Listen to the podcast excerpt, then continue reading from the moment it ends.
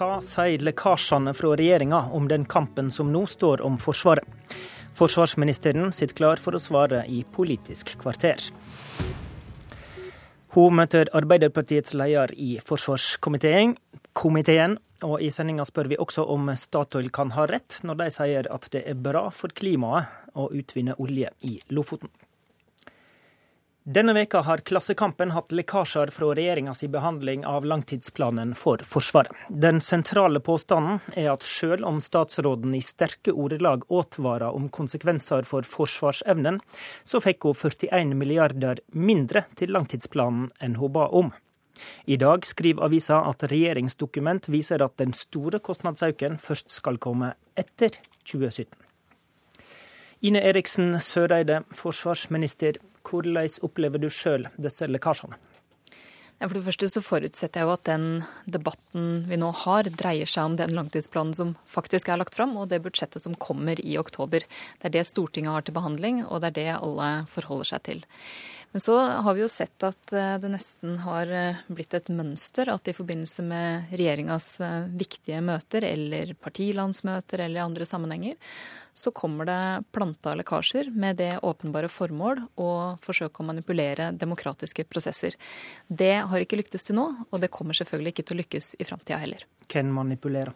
Det har ikke jeg noe bilde av. Vi bare konstaterer at det er lekkasjer og spekulasjoner. Det er for så vidt ikke nytt for denne type store prosesser. Det har det alltid vært. Men det, det er eh, nå sånn som vi ser det, eh, tydelige forsøk på å manipulere demokratiske prosesser. Det bør alle ansvarlige politikere være opptatt av at ikke skal ha noen virkning, eh, og det har det heller ikke hatt. Hvordan kan det påvirke prosessene? Nei, det har jo ikke påvirka prosessene. Og det, er jo det, nei, og det er jo det viktige poenget her. At eh, regjeringa diskuterer eh, ting over lang tid er helt normalt for denne type store prosesser. Det har selvfølgelig regjeringa gjort i dybde og bredde også når det gjelder langtidsplan for Forsvaret. Det skulle bare mangle. Dette er noe regjeringa som helhet er opptatt av. Men det jeg mener er det viktige, er å diskutere den langtidsplanen som faktisk er lagt fram, de konklusjonene regjeringa har trukket, det budsjettet som kommer i oktober, og bakgrunnen for hvorfor det er nødvendig å gjøre endringer.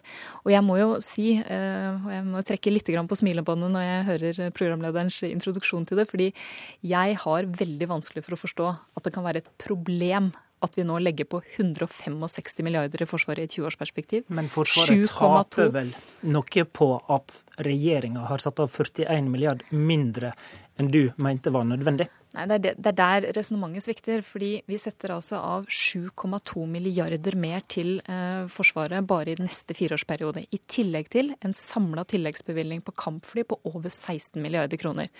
Hvis vi sammenligner med de to foregående langtidsplanene, så lå det der i underkant av 1,4 milliarder til fordeling på åtte hele år.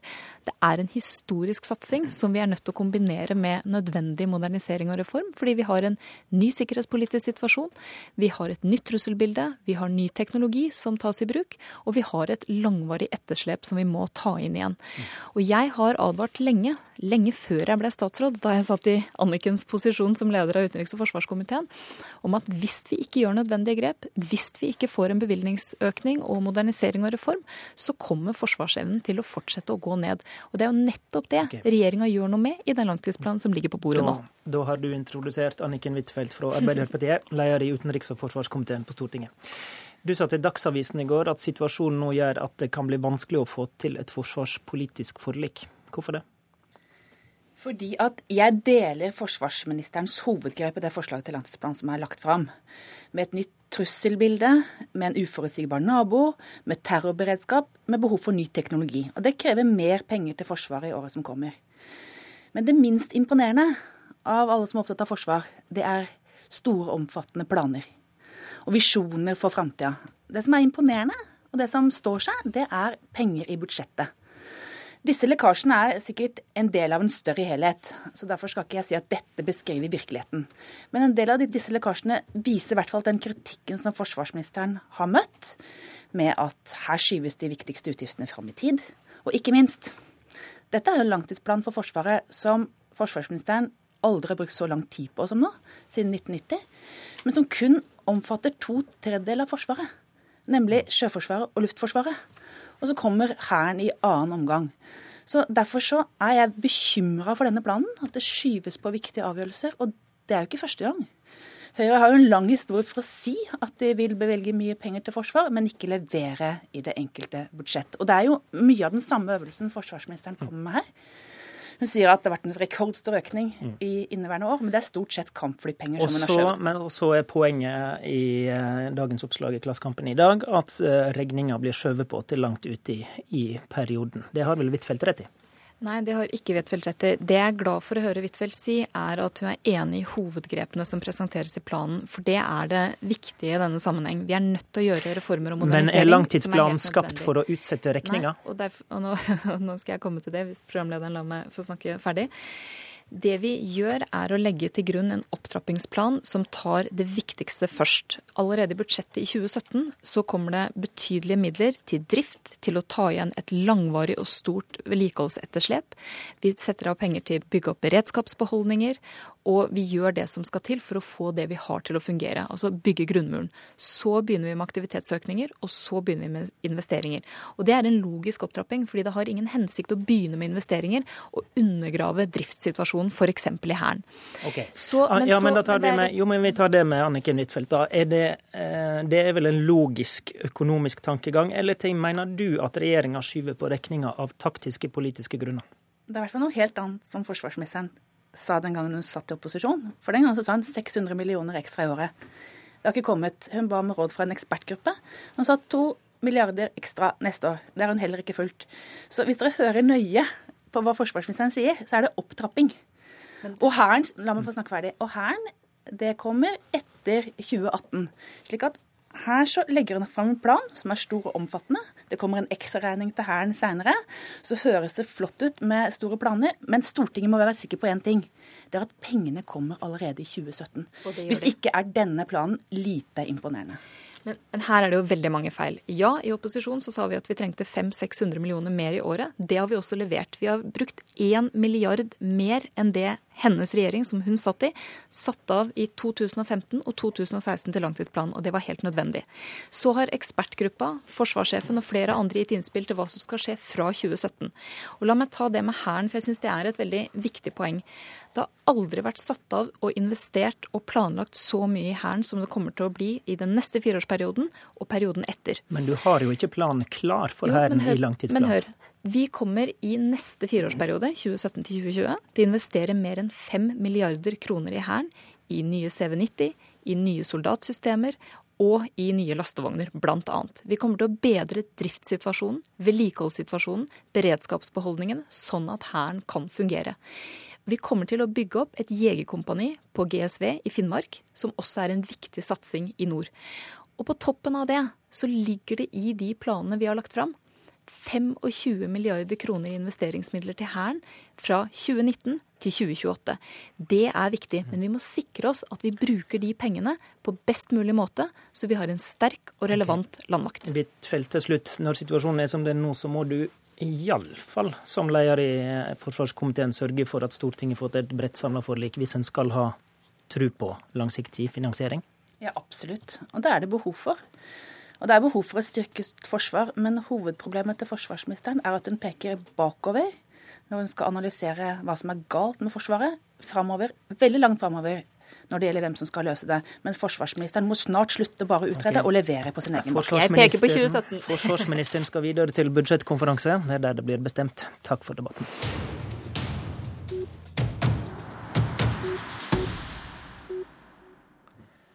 Utbygging av oljeproduksjon i Lofoten og Vesterålen vil være bra for klimaet. Ja, det sa Statoil-sjef Eldar Sætre til VG i går. Bjørn Otto Sverdrup, du er bærekraftdirektør i Statoil. Forklar hvorfor det er bra for klimaet å bygge ut Lofoten. Ja, det mener vi at det er. Men la meg si at utgangspunktet vårt er at vi motoren i norsk økonomi har vært petroleumsvirksomheten. Og for å opprettholde industriell aktivitet og for norsk industri så er det viktig å ha aktivitet. Og vi ser om seks til åtte år kommer aktiviteten til å falle hvis ikke vi får tilgang til å lete på nytt areal. Vi ber ikke om åpning av Lofoten og Vesterålen nå, men det vi ber om er å starte en prosess med en konsekvensutredning for at vi skal opprettholde tradisjonen med en kunnskapsbasert forvaltning av naturressurser i Norge. Og hvorfor er det bra for klimaet? Ja, Når det gjelder klima, så er det sånn at vi støtter Parisavtalen, og vi er jo enig i at verden trenger å endre sitt energisystem på.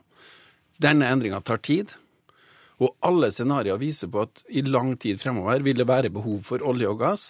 Og i lys av det så er utfordringa å sørge for at vi produserer og utvinne olje og gass mest mulig klimavennlig. Og her har vi i Norge et fortrinn, for vi gjør det her på en mer klimavennlig enn andre i andre land. Og derfor skal vi si at så lenge det er behov for olje og gass, la oss forsøke å utvinne den så klimavennlig som mulig. Og derfor er det ingen grunn av klimahensyn til å ikke drive petroleumsvirksomhet i Norge. Er Lofoten-området enda mer klimavennlig enn andre steder på norsk sokkel? Nei. Hele norsk sokkel er, greier vi å drive på en veldig med lave klimavennlige fotavtrykk. Men det er heller ingenting knytta til Lofoten og Vesterålen i seg selv som gjør at CO2-utslippene kommer til å være spesielt høye. Okay. Une Aina Bastholm, nasjonal talsperson i Miljøpartiet De Grønne. Hvorfor mener du Statoils resonnement er feil? Først og fremst fordi den rene norske olja finnes ikke. Eh, det er først og fremst i bruken av olje og gass at utslippene kommer, ikke i eh, utvinninga. Og Norge er forresten ikke aller best i utvinning heller. Saudi-Arabia klarer å gjøre det enda, eh, med enda mindre utslipp enn oss. Så da bør så, vi heller la saudi-araberne produsere? Ja, det kunne man jo også sett for seg. Men norsk olje og gass er altså akkurat like klimafiendtlig som annen olje når den forbrennes i en motor eller i et forbrenningsanlegg. Ja, når den betyr... forbrennes, men miljørørsla og dere har jo f.eks. kritisert sterkt oljesandutvinning i Canada nettopp fordi produksjonen har så store utslipp. Så det er vel forskjell på produksjonen, sånn som Sverdrup sier? Ja, så Alle utslipp teller jo like mye. Altså, det er jo CO2-molekylene her som er problemet. Og Det er jo derfor verden nå har blitt enige om at vi ønsker å unngå mer enn 1,5 graders global oppvarming. Påstanden om at Norge skal klare å redde klimaet ved eh, å utvinne mer, holder jo ikke vann i det hele tatt. Kanskje ville det kunne vært et argument for ikke å skru igjen kranene i morgen, fordi det vil bety kanskje at noen steder vil man erstatte olje da med kull. Men det er absolutt ikke noe argument for å begynne å planlegge nå enda mer oljeleting og åpne enda flere felt. Og i hele tatt det å snakke om Lofoten, Vesterålen og Senja mener jo jeg er et åpenbar avledningsmanøver for at vi ikke skal snakke om det store problemet at norsk olje og gass fører til klimagassutslipp som er med på å undergrave verdens livsgrunnlag. Og Norge sitter nå er observatør, mens resten av Europa kutter sine utslipp. Norsk olje og gass økte utslippene sine på norsk sokkel eh, i fjor. Det er ikke holdbart. Sverdrup. Ja, vi deler det synet at det er egentlig forbruket av olje og gass som står for de største utslippene. Men når det er sagt, så er det utrolig viktig at også vi prøver å redusere utslipp i all aktivitet og i produksjonsleddet. Og jeg tror eh, det er riktig å si at vi har kommet langt i Norge. Jobba i nesten ti år med å redusere utslippene vesentlig. Og no, nylig har vi også sagt at vi har satt oss et mål om å redusere utslippene fra norske petroleumsvirksomheten med enda mye mer. Også for å være på linje med både det som er intensjonen i Parisavtalen, men òg i klimaforliket. Men finnes det ifølge Statoil miljøargument for å la være å utvinne olje i Lofoten? Ikke Lofoten og Vesterålen i seg selv. Det er mange andre hensyn som vi må ivareta. Både til dyrebart eh, natur, fiskeriressurser, en levende turisme. Og det å få en helhetlig vurdering og si ikke... er, er et rom for petroleumsvirksomhet òg i det bildet? Det er det vi ber om. Bastholm. Ja, altså I det hele tatt å snakke om Lofoten, Vesterålen og Senja igjen mener jeg er en avledningsmanøver. En lynavleder. Eh, Næringa vet kjempegodt at Lofoten, Vesterålen Senja har så rik kystnatur, det er så viktige fiskeriinteresser der, at det vil aldri bli realistisk. Eh, det det prøves på her, og dessverre også fra regjeringa senest denne uka her, eh, er at man ikke skal snakke om de store utslippene som vår oljesektor fører til. Oljenæringa har vært et oljeeventyr i Norge. Det har gitt oss inntekter Men... som vi kan prise oss for og være veldig glad for. De kan vi nå investere bedre. Det, det Statoil egentlig foreslår her, er at i stedet for at de som selskap skal tilpasse virkeligheten, omstille seg, styrke fornybarsatsinga si, så skal altså norske samfunnet bruke milliardbeløp i oljesubsidier som ikke bare er klimafiendtlige, men som også undergraver naturen i Lofoten, Vesterålen og Senja. Takk til Une Aina Bastholm i MDG og Bjørn Otto Sverdrup i Statoil. I studio, Håvard Grønli.